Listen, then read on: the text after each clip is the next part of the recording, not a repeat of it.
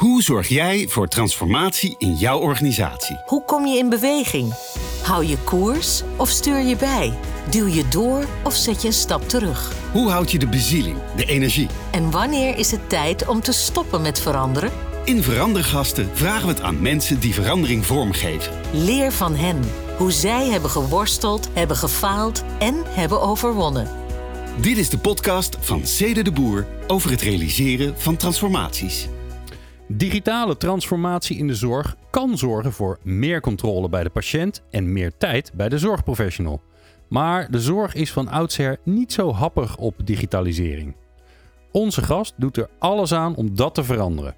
Door te ondernemen, door te adviseren en door de wetenschap. Wat drijft Daan Domen en hoe denkt hij de zorg warm te kunnen krijgen voor verdere digitalisering? Ik ben Glenn van den Burg en Daan Domen. Oh, we hebben weer zo'n heerlijke Zwitser zakmes die van alles is. Hij is hoogleraar digitale transformatie in de zorg en ondernemer achter onder andere uh, Focus Cura en Lucy. En daarnaast heeft hij ook nog een boek geschreven en ongetwijfeld nog veel meer, maar dat gaan we wel merken, want hij is mijn verandergast. Daan, wat leuk dat je er bent. Dankjewel. Jouw missie in de zorg, wat, wat wil je? Wat wil je graag dat er anders wordt? Nou, eigenlijk uh, is dat iets wat vanuit heel jong er is. Ik wil eigenlijk vooral dat mensen die, um, nou ja, uh, uh, zwakker zijn, onzeker zijn, een ziekte hebben, daardoor niet helemaal mee kunnen doen, toch zo goed mogelijk, zoals zij dat willen, hun eigen leven kunnen leiden. En dat is een, ja, een droom die er al heel lang in zit en die heeft in die loop der tijd allerlei vormen gekregen. Ja, waar komt het vandaan? Ja, ik weet het eigenlijk niet waar het precies vandaan komt. Maar ik weet nog wel iets wat mijn, uh, mijn moeder mij ooit vertelde toen ik heel klein was. Toen, um, wat mij wel um, een, een, een stukje inzicht geeft. Er lag een, uh, wij waren aan het wandelen op straat. En ik was denk ik een jaar of vijf, zes. En er lag een zwerver op straat die... Nou ja, echt zo'n vieze zwerver met van, van zo'n baard en uh, zo'n zo'n man die, waar je eigenlijk omheen liep. En ik liep blijkbaar als klein jongetje naar hem toe en ik ging op zijn schoot zitten en, uh, en gaf hem een kus. En uh, nou ja, dat beeld heeft mijn moeder in ieder geval altijd beschreven als van ja, uh, dat, dat wilde jij doen. Nou ja, en zo is dat ook misschien wel later in de zorg gekomen toen ik in een bejaardenhuis ben gaan werken. Nou ja, en, en allerlei andere dingen ben gaan doen. Wauw. Ja. Wat een geweldig beeld. Zo'n klein mannetje die dan gewoon, gewoon naar zo'n zwerver toe gaat. Ja, nou ja. Het zat er dus gewoon altijd al in. Nou, dat, ja, ik weet niet of dat, hè, hoe dat bewust dat dan gaat. Maar wat er voor mij altijd wel in zat, is dat ik uh, nou ja, gewoon heel graag uh, wilde helpen, wilde zorgen. Daarom wilde ik uiteindelijk ook dokter worden. Dat was mijn droom. Alleen die droom die viel in duigen toen, uh, toen ik werd uitgeloot. Ja, dus ja, bij, toen. Zoals bij velen helaas. ja, ja, ja. ja. Maar je, want jij zei, en dat heb ik ook jou ergens horen vertellen in de voorbereiding, je, hebt, je bent ook gewoon gaan werken in de zorg. Ja, toen ik, ik denk 15, 16 was, toen had ik zoiets van, ja, ik kan pizza's gaan rondbrengen of kranten gaan bezorgen, uh, maar ik kan ook eigenlijk ook al wat anders gaan doen. Dus ik ben toen als be, uh, schoonmaker begonnen in het bejaardenhuis bij mijn ouders om de hoek. Ik noem het bewust even bejaardenhuis, want dat was nog echt zo'n traditioneel bejaardenhuis met kleine kamertjes. Uh, uh, daar had je dan een toiletje en een, um, een douche. En dan een, uh, een, een, kamertje met een bed en een tafeltje en een, um, en een televisie, zo'n grote tv. Dat, dat, dat had je toen. Ja. En, ik begon daar eigenlijk met ergens. Ja, toch? Ja, een woonkamer waar ze, waar ze een woonkamer waar ze dan gezamenlijk konden zitten ja. en een spelletje konden doen.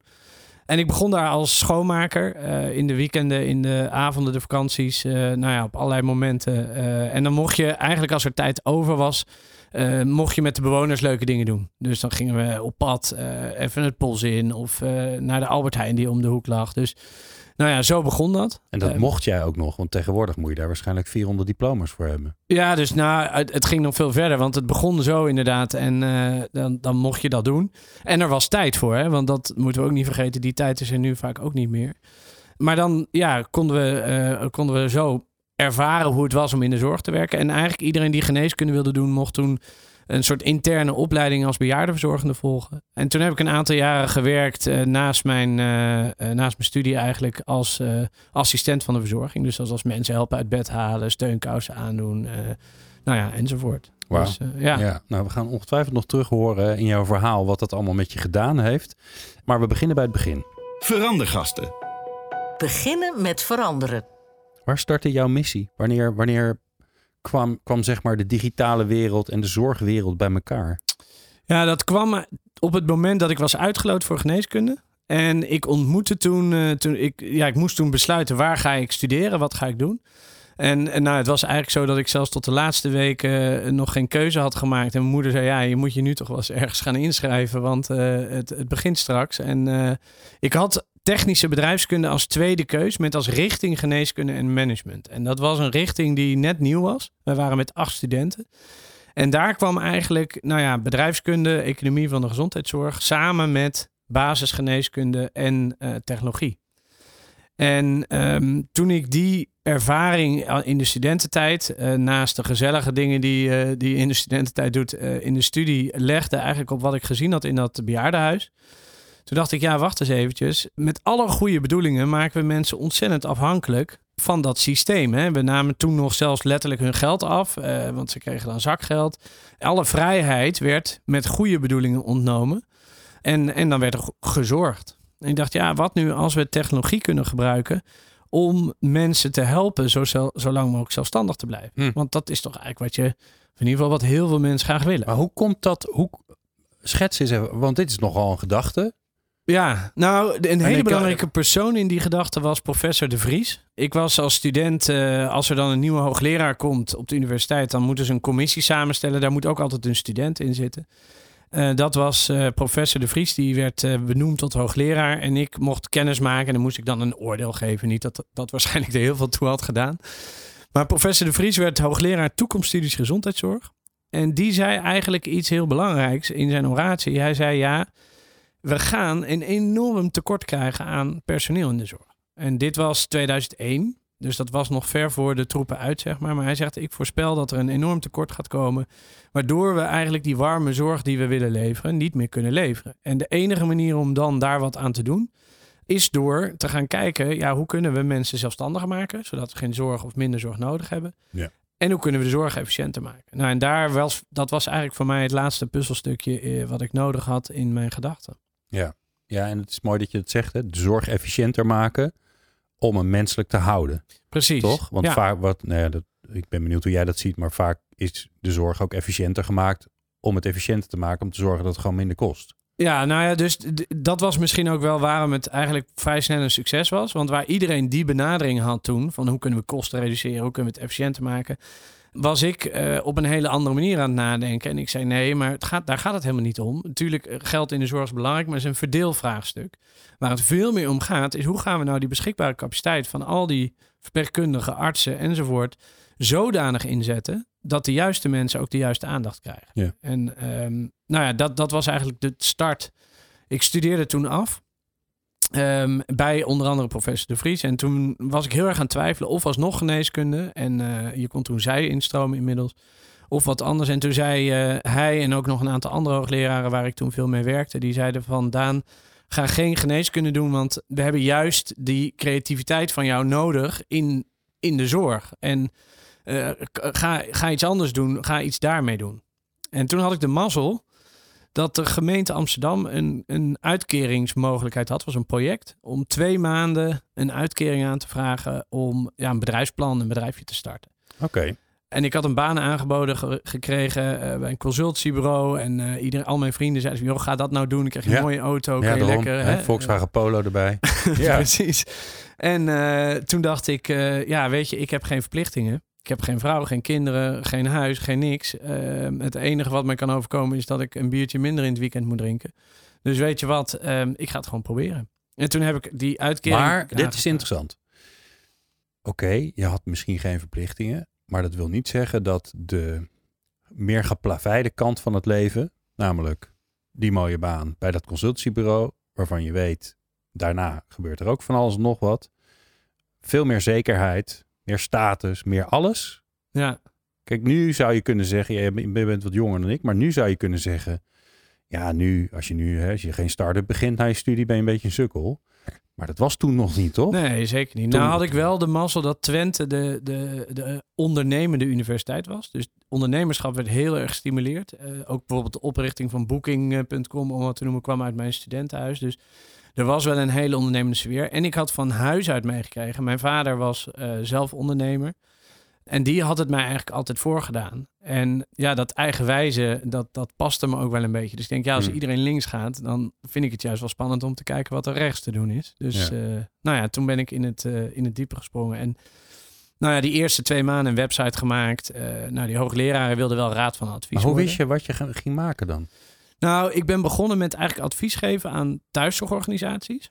Die eh, worstelden met ICT, met technologievraagstukken. Je had toen de opkomst van die, eh, van die Blackberries en, en die, die, die PDA's, zeg maar, die handheld computers. En iedereen dacht, ja, daar moeten we toch wat mee, maar wat moeten we dan? En eh, nou ja, ik kon die brug eigenlijk tussen die twee werelden van technologie en bedrijfskunde aan de ene kant en van ge- gezondheidszorg aan de andere kant, kon ik toen overbruggen. Ja. En samen met de hoogleraren, met name Pieter Vierhout en Theo de Vries, eh, die, die heb ik ook wat projecten samen kunnen doen. Dus door hun kwam ik in één keer op plekken waar ik natuurlijk als 25-jarig mannetje niet naar binnen kwam. Maar waar ik samen met hun wel projecten kon uitvoeren. En zo, ja, zo begon het eigenlijk. Ja.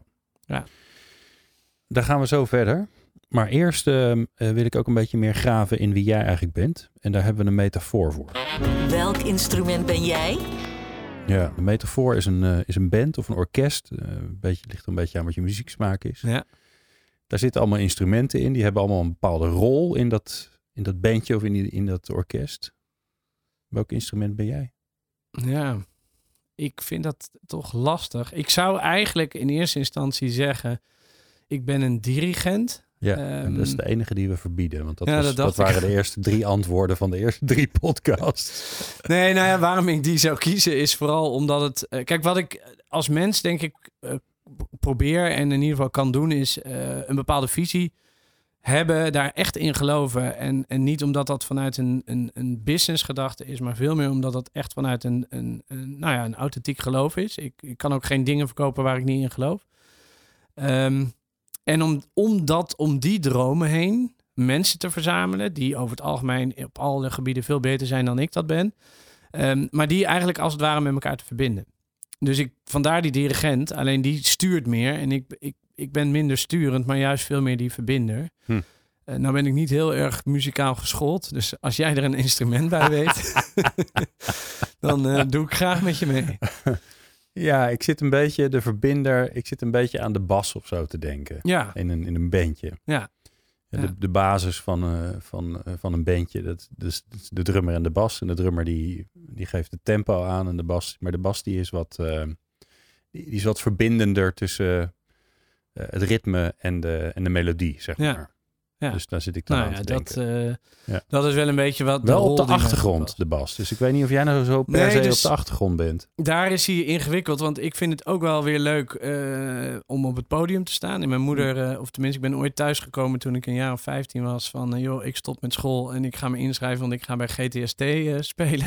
dus nou ja, toen zei mijn moeder, dat is prima. Ja, Maar goed ga idee. eerst nou even je school afmaken. En dan ga je daarna dat lekker doen als je wil. En toen was natuurlijk eh, mijn liefde voor Angela Schijf die daarin speelde. Want daar kwam het eigenlijk vandaan. ja, Eh, ja. je was voorbij. eigenlijk gewoon verliefd op Angela. Dat denk Ja, ik, Oké, ja. Maar ja, zo, eh, ja, dus die rol als verbinder. En op het podium vind ik leuk om die droom te verkondigen. En ik denk dat dit, dat ook nodig is om, om dingen eh, te schetsen van, hé, hey, waar gaan we eigenlijk naartoe? Eh, maar vervolgens heb je ja, eigenlijk een hele groep mensen nodig met allerlei competenties om die droom ook te, te realiseren. Ja.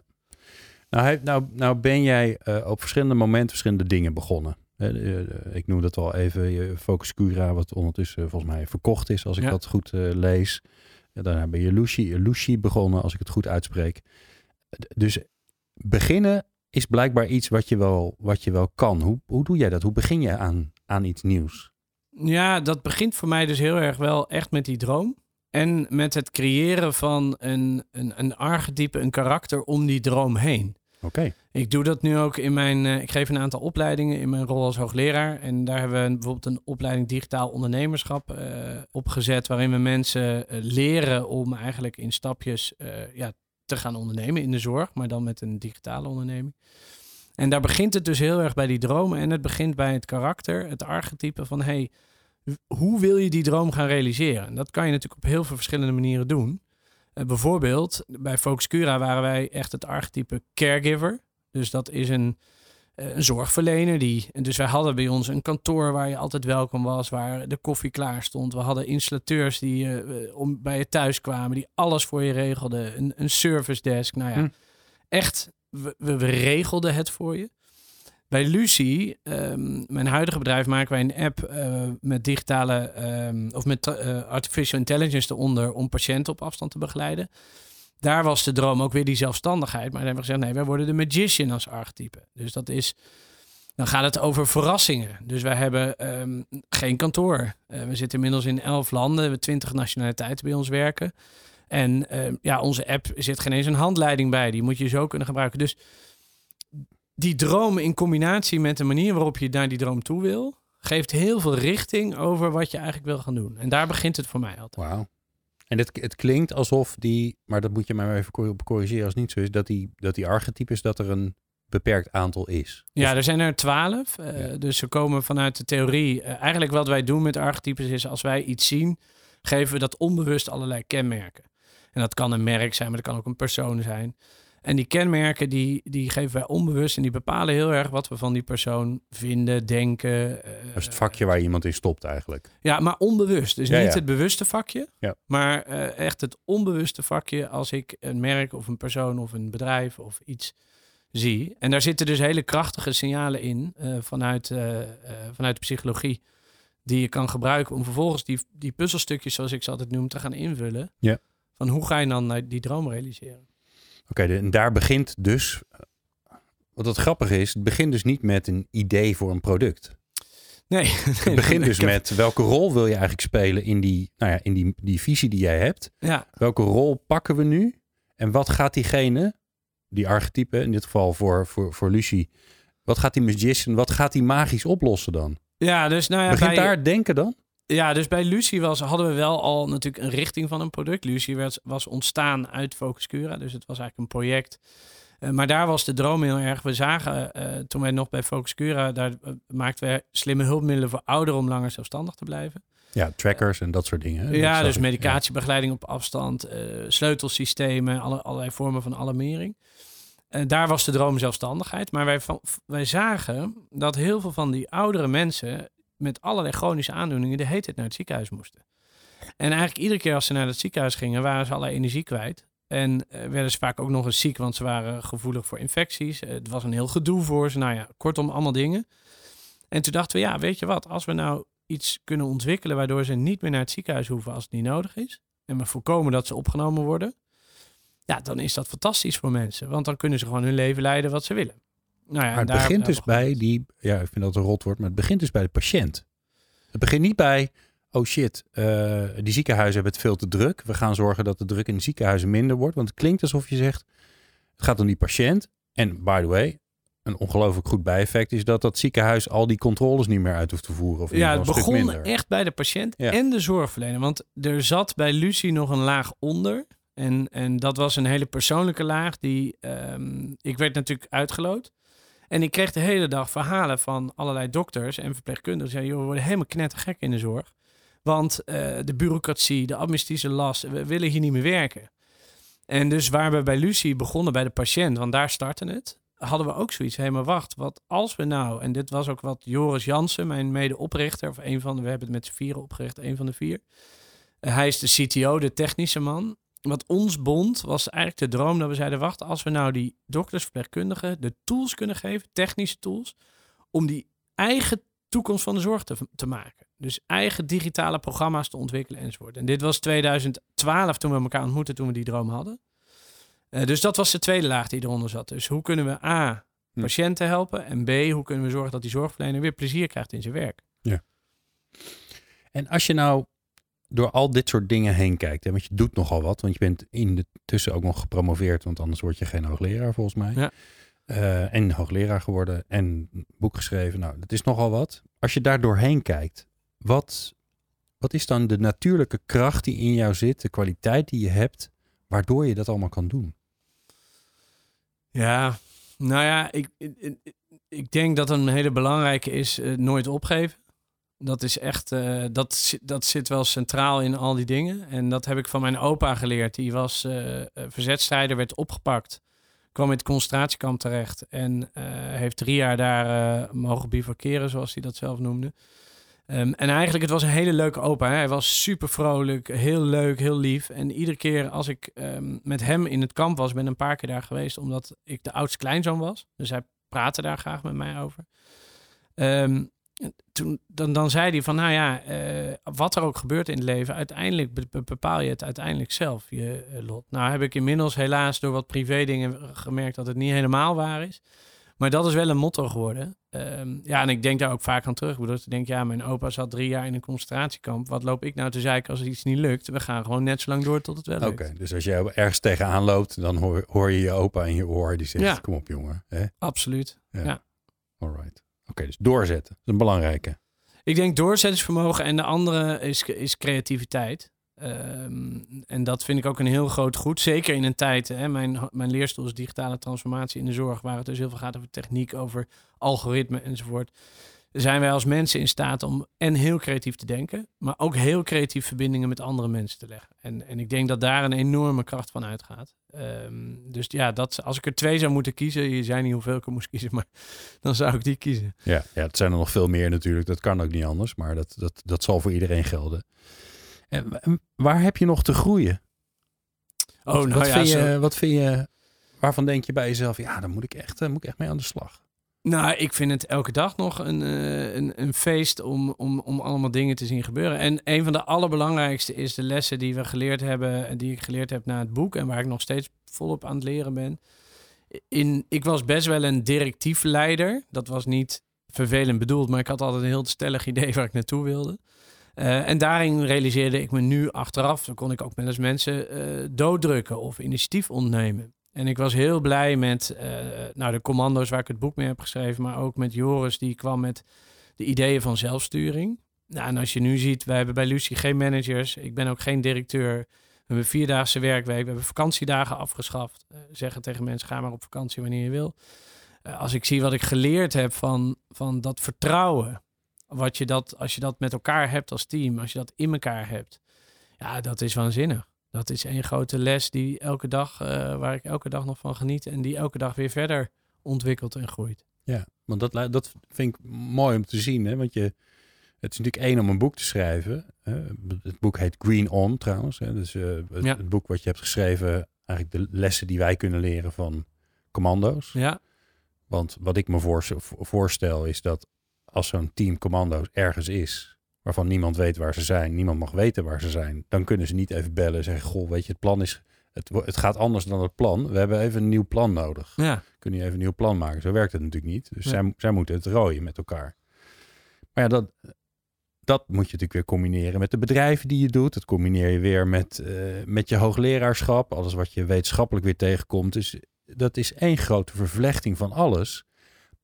En, misschien moet ik wel maar zeggen, dat, dat vraagt ook wel een hoop van jou. Want het is natuurlijk leuk dat je zo'n boek schrijft over, over zelfsturing en ruimte. En, maar je moet het ook nog maar in de praktijk brengen en aandurven en loslaten. ja. Dat valt niet mee. Ja, nou ja, ik, ik, ik heb zelf altijd wel het, het idee gehad, en zo begon ik ook ooit voor mezelf, van ja, als je het niet probeert, dan gebeurt het nooit. En ja, op je bek gaan of, of, of fouten maken. ehm, ja, ik, weet je, op een gegeven moment denk, denk ik ook van, nou, daar leer je van.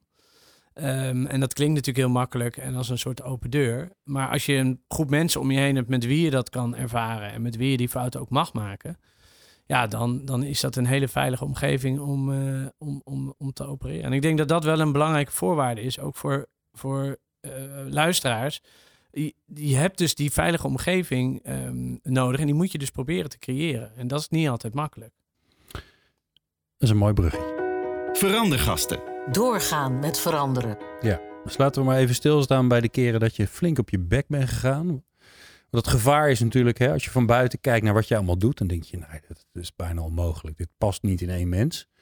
Vooral omdat je natuurlijk niet ziet waar je allemaal tegen bent gekomen om daar te komen, om de dingen te ontwikkelen. Dus wanneer, wat was nou een moment waar je, waar je flink gestruikeld bent en waar je lekker veel van geleerd hebt?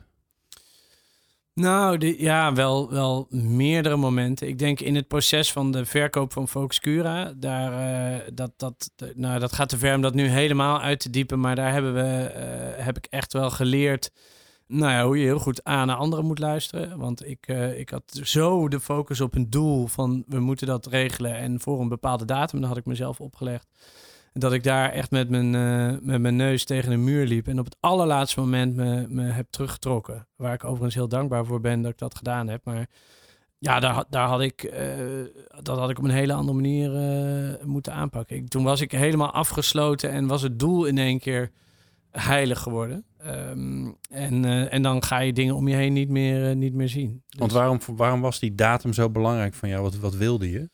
Nou ja, wij, wij hadden het bedrijf Focus Cura en het bedrijf Lucie haalden wij uit elkaar, zodat ja. ieder zich op een eigen manier kon ontwikkelen. Het waren natuurlijk hele verschillende producten in een hele verschillende markt met hele andere risicoprofielen. En ik wilde ook vooral weer nieuwe dingen doen. Dus we gingen daar lekker verder. Uh, ik wilde weer pionieren, zeg maar. En Focus Cura was echt wel een groot bedrijf geworden.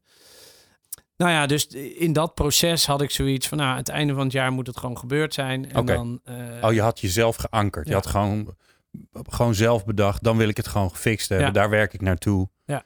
ja en dan word je op een gegeven moment blind.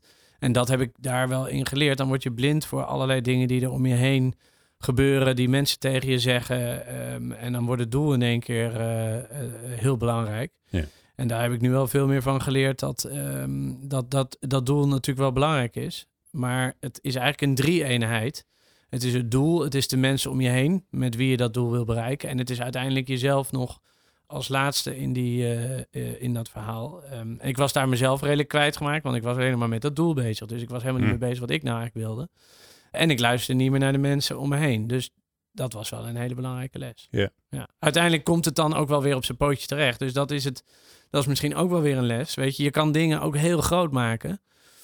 Er gaat best veel, best veel komt er wel weer goed, toch? Ja. Ja, Ja, en, als je, eh, als je, de, als je het gemiddelde tv-programma kijkt, eh, het gemiddelde, gemiddelde actualiteitenprogramma of het gemiddelde, gemiddelde nieuwsuitzending, dan denk je echt dat het één grote puinbak is in, eh, in, eh, in de Ja. wereld en in Nederland. Maar er gaat natuurlijk best veel goed. Nou ja, dat. En ik heb helaas, en daar heb ik denk ik het allermeeste van geleerd. A, eerst mijn zwager verloren aan alvleesklierkanker, 42 jaar, twee jaar geleden. En daarna, toen eigenlijk alles weer genormaliseerd was, met name bij mijn zusje en mijn ouders, toen kreeg mijn vader alvleesklierkanker.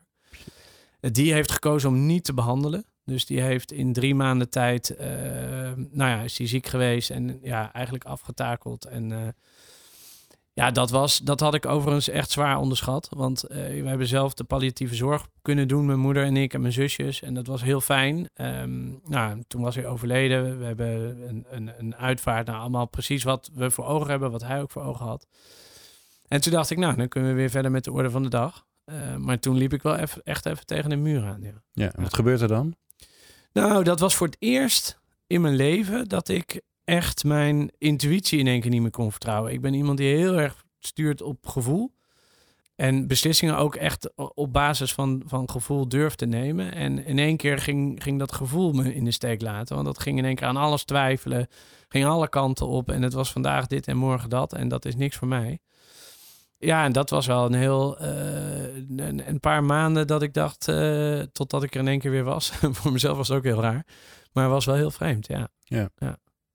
En eh, los je dat dan, nou los je dat op, maar merk, bemerk je dat dan in je eentje? Is dat iets wat, wat een proces in je hoofd doet? Of zijn er mensen om je heen die dan tegen je zeggen van, hey, ben je wel oké? En eh, Nou, gelukkig eh, dat laatste. Dus ik ben dan wel op zo'n moment trek ik wel redelijk naar binnen. Dus dan, dan ben ik wel heel erg op mezelf. En dan, dan, nou ja, dan vind ik mijn weg. Ik ben heel veel gaan sporten. Ik ben ook met die commando's toen mee gaan sporten. Dus ik had lekker eh, wat, Ja. wat ruimte om, eh, om me los te laten. Maar ik heb nou, mijn vrouw die, die echt wel eh, heel stabiel gebleken, gebleken is. En daar een enorme steun in was. Eh, mijn moeder die ik eh, ook, ook daar natuurlijk veel over sprak. Maar die zelf ook in die situatie zat dat ze de partner verloor. Ja.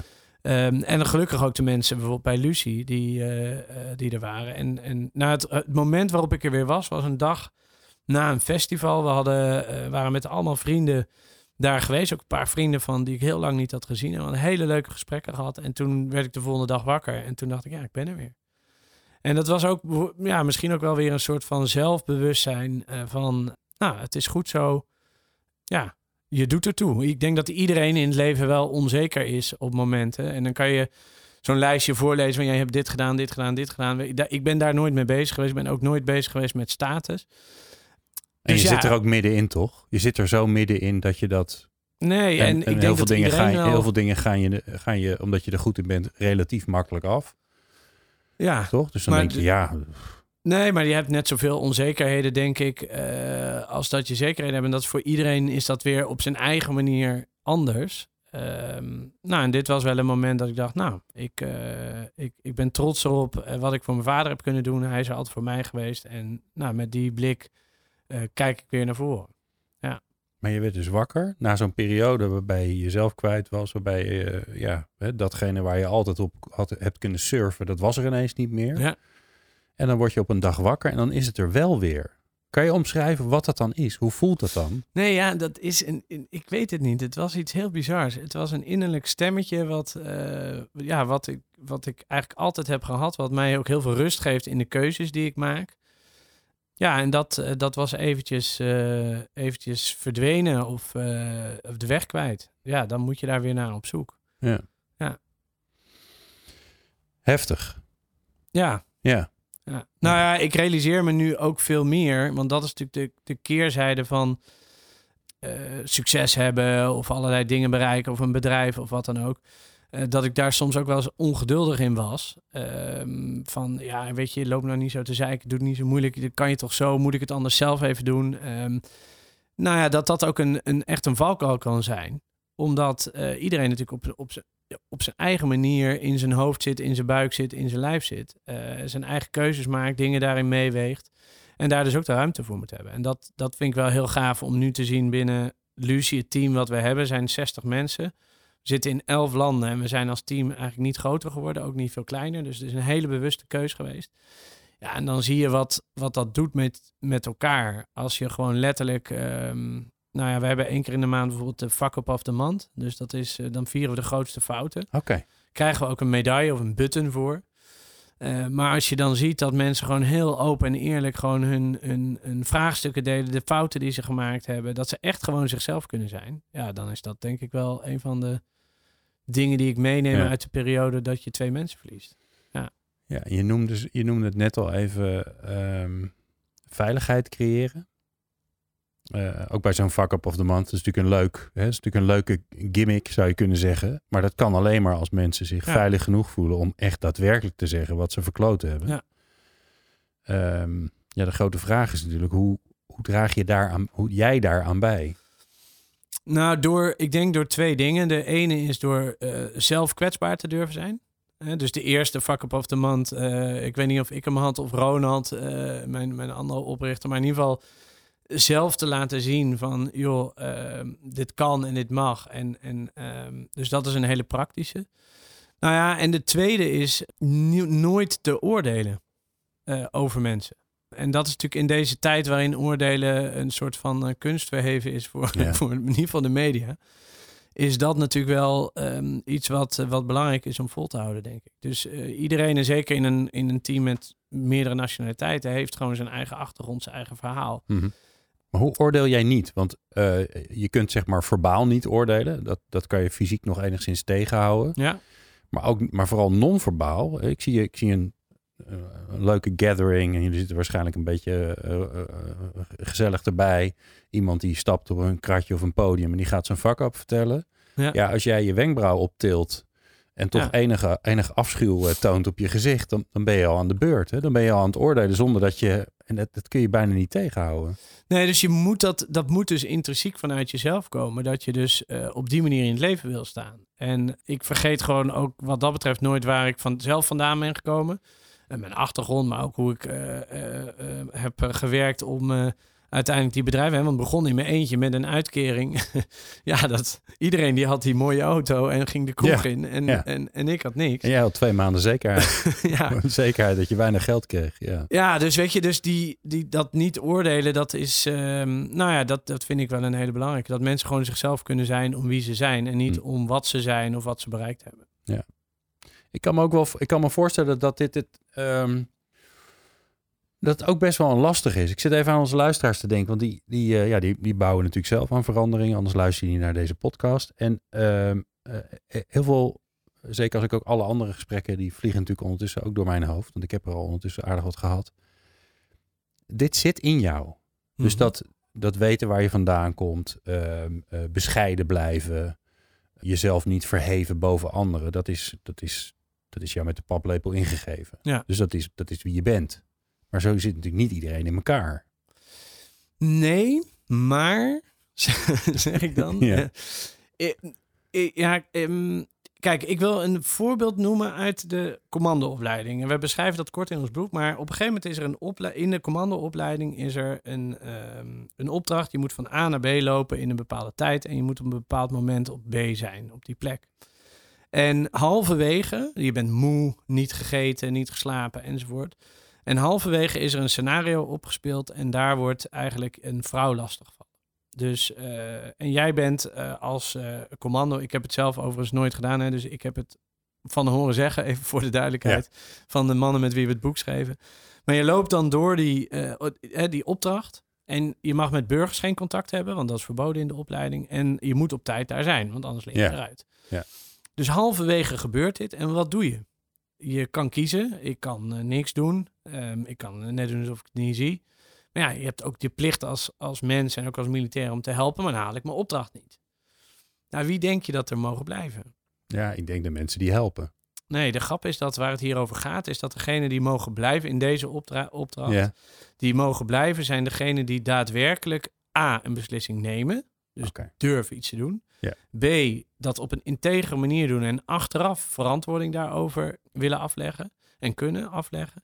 En degene die dus twijfelen of die erover liegen, of, eh, die liggen eruit. En of je nou A of B kiest, is voor deze opdracht niet belangrijk. Als is niet je- belangrijk. Oh, grappig. en als je nu teruggaat naar jouw vraag van net van ja, ehm, eh, eh, status enzovoort. Ehm, het zit er dus heel erg in dat er heel veel dingen zijn die wij creëren om ons heen. Die natuurlijk veiligheid geven. En een functietitel, eh, een auto, eh, allerlei dingen die maken dat mensen op ons op een bepaalde manier gaan zien. Mhm. Terwijl als je naar de essentie gaat en op zo'n rit loopt, moe, niet gegeten hebt enzovoort. Zoals die commando's. Ja, wat besluit jij dan? En Ja. daar zit volgens mij de echte pure veiligheid die, die we met elkaar moeten gaan zoeken. En dat is natuurlijk in elk bedrijf zijn die waarden, daar heb je het dan over, wat, wat vinden wij belangrijk, die zijn anders. En we zijn, ik zie nu heel veel bedrijven waar dat eigenlijk een beetje verloren is geraakt. Ja, ja. Daar, men, daar duiken mensen, daar, daar durven mensen geen beslissing meer te nemen. En achteraf te vertellen waarom ze die beslissing hebben genomen. Ja, want ze zijn Want dat is de essentie dus. Ja, of ze hebben niet genoeg kader van wat wordt er eigenlijk van mij verwacht, wat ik besluit hè, Ja. en wat verwachten wij van elkaar. Of ze zijn bang voor represailles of om fouten te maken of wat dan ook. Maar als je die ehm façade eigenlijk probeert af te pellen, eh, ja, dan kom je tot hele mooie dingen. Ja, uiteindelijk eh, Verandergasten. Stoppen met veranderen. er komt een moment, dan moet je stoppen met veranderen. En die kun je twee, tweeërlei uitleggen. Eh, je kunt echt stoppen. Hè, Ja. nou, in, de- in jouw geval eh, de, de tent verkopen of een deel van de tent verkopen. Maar er zijn natuurlijk ook veranderingen of dingen die je aanjaagt waarvan je denkt, ja, dit is het moment dat ik even, nu moet ik er met mijn vingers afblijven, moet ik het overlaten aan de ander, want anders dan maak ik het kapot. Ja. Wanneer is dat? Nou ja, dat- ik denk dat dat persoonlijk, dat hangt er af van je, van je karakter. Ik ben dus goed in dingen beginnen. Dat vind ik ook leuk. Daar krijg ik heel veel energie van. Ehm, en in heel veel traditionele werkvormen, organisatievormen, loop je dan dus op een grens. Want wij hebben functies gemaakt en die functies horen allerlei verantwoordelijkheden bij. In mijn vorige functie, niet bij Lucie, maar was ik directeur. En dan moet ik allemaal dingen doen die bij een directeur horen, terwijl ik er echt helemaal niet goed in was en ook doodongelukkig van werd. Dus ik denk dat het moment als je in zo'n organisatievorm zit, dat komt dan op het moment dat je dus een functie toebedeeld krijgt die eh, niet meer bij jou past. Eh, en dat weet je stiekem zelf wel, maar dan ga je vaak toch nog te lang door. Ik denk in een organisatievorm zoals wij die bij Lucie nu hebben, is het heel erg goed mogelijk om wel daarbij betrokken te blijven. Ik ben bijvoorbeeld bij Lucie Oracle. Dat is een rol. We hebben wat dingen van de Matrix, van die film overgenomen. Oh, cool. Ehm, en een van de dingen is, ik ben dus niet verantwoordelijk voor om strategieën te maken. Eh, ik heb, ben helemaal niet zo gestructureerd wat dat soort dingen betreft. Dus zijn anderen daar veel beter in. Maar ja, ik had wel als ondernemer zoiets. Ja, mijn geld zit erin, mijn risico zit erin. Ja, mhm. Zeker in het begin vond ik dat wel spannend. Dus toen hebben we de rol gemaakt Oracle. En als iemand dus een nieuwe strategie verzint of een nieuwe richting waar we uitgaan, dan moet hij in ieder geval bij de Oracle komen om advies te vragen. hoeft het advies niet over te nemen. En jij mag dan ook vaag advies geven die niemand snapt. Waar ze dan een halve film bezig Exact. zijn om achter te komen wat je eigenlijk bedoelt. Ja, de policy, want we hebben dan policies waar dat ligt. Die heet ook de blue or the red pill. Dus we hebben een paar van die grapjes erin zitten. Maar dat gaf, ja, da- daarmee, ik ben nu dus met nieuwe dingen bezig. Eh, die Oracle die kijkt eigenlijk naar wat gaat er komen. En dat is één van de rollen. Ik heb nog heel veel andere eh, rollen binnen het bedrijf. Maar het geeft dus heel veel vrijheid als je die functies afhaalt. En verruilt voor, voor kleine taakjes die, die je gewoon met elkaar gaat verdelen. Het mooie is wat je hier, wat je hier ook doet, is dat je een, een metafoor kiest die leuk is. Ja. Dat geldt eigenlijk ook voor die archetypes. Hè? Dus daar, daar heb je gelijk een beeld bij, bij die, eh, eh, bij die magician. Je ziet gelijk iets voor je Ja. met allerlei attributen en, en kwaliteiten eromheen. En ook heel veel dingen waarvan je zegt, ja, dat zijn we dus niet. Ja. En dat doe je hier eigenlijk ook. Ja. Want de oracle, dat is niet iemand die gaat vechten. Nee? Die staat niet aan de frontlinie. nee dus En sterker nog, die hoeft ook niet heel vaak heel veel te doen. Dus die heb, je hebt de Oracle niet elke dag nodig. Want dat, nee, dat is dat, raar. precies. Dat zou, zou, het niet, Toch? dat zou het niet goed zijn. Nee. Nee, dus het, het leuke is van als je dus werkt, dus hoe wij dat opbouwen als bedrijf, en dat, dat gun ik iedereen die veranderingen wil doen. Je definieert eerst je waarden. Bij mij zijn dat de waarden en, die, en dat archetype, maar dus de waarden van wat vinden we nou eigenlijk belangrijk met elkaar? Waar gaan we voor? Even heel concreet, bij Lucie hebben we gezegd, freedom sparks energy, dus vrijheid, eh, grow to last, dus eh, groei eh, voor lange termijn en niet Mhm. voor de korte termijn. En courage for integrity, eerlijkheid, integriteit. Nou, die waarden hebben we helemaal uitgeschreven, dat ga ik nu niet doen. En daarnaast heb je een doel. In ons geval, wij willen ruimte voor zorg creëren voor zorgpersoneel, zodat ze de juiste patiënten kunnen zien, hè, waar we het in het begin over hadden. Ja. Maar daartussen, daar gaat het vaak mis.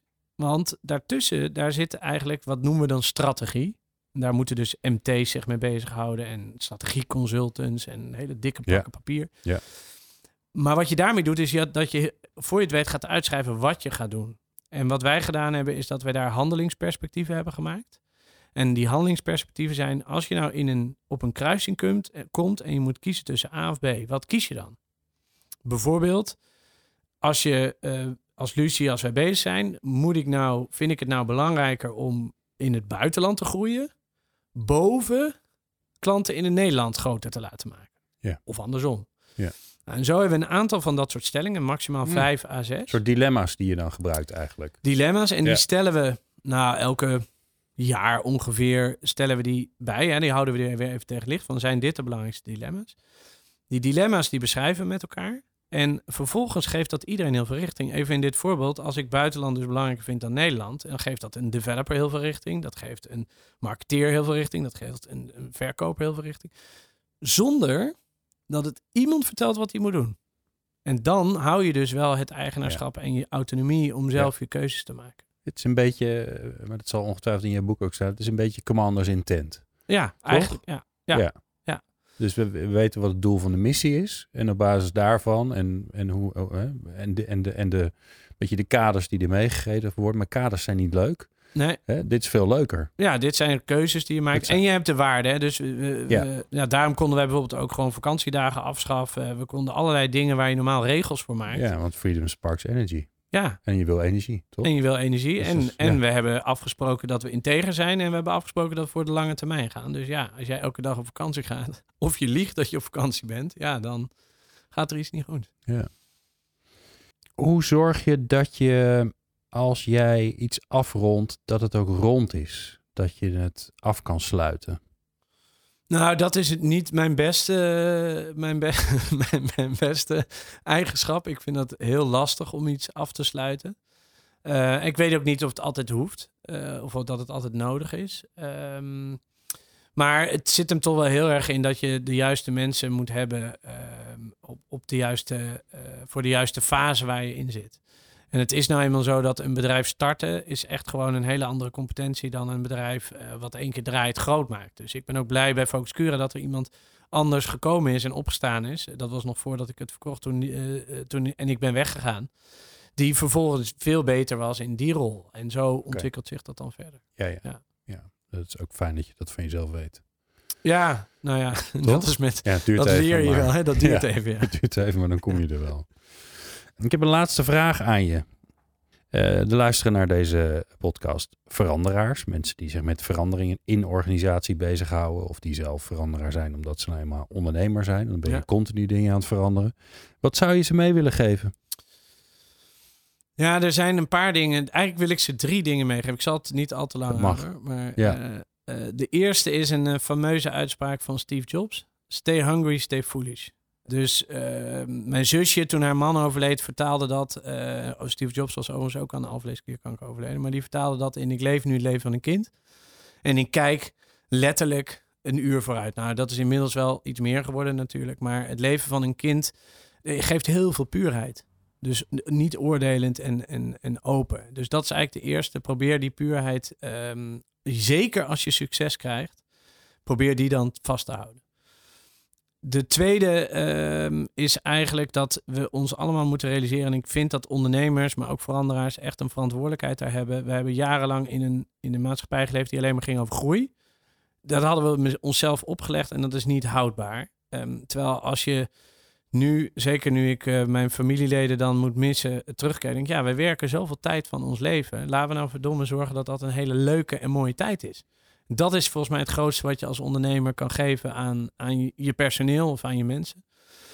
Dat ze Dus- gewoon een leuk, dat werk leuk is. Dat werk leuk dat ze is. lol hebben. Ja, en ik voorspel Ja. dan komt eigenlijk al die andere dingen eh, die komen daarna. En ik zal, had nog een derde, maar daar ben, die ben ik nu even kwijt.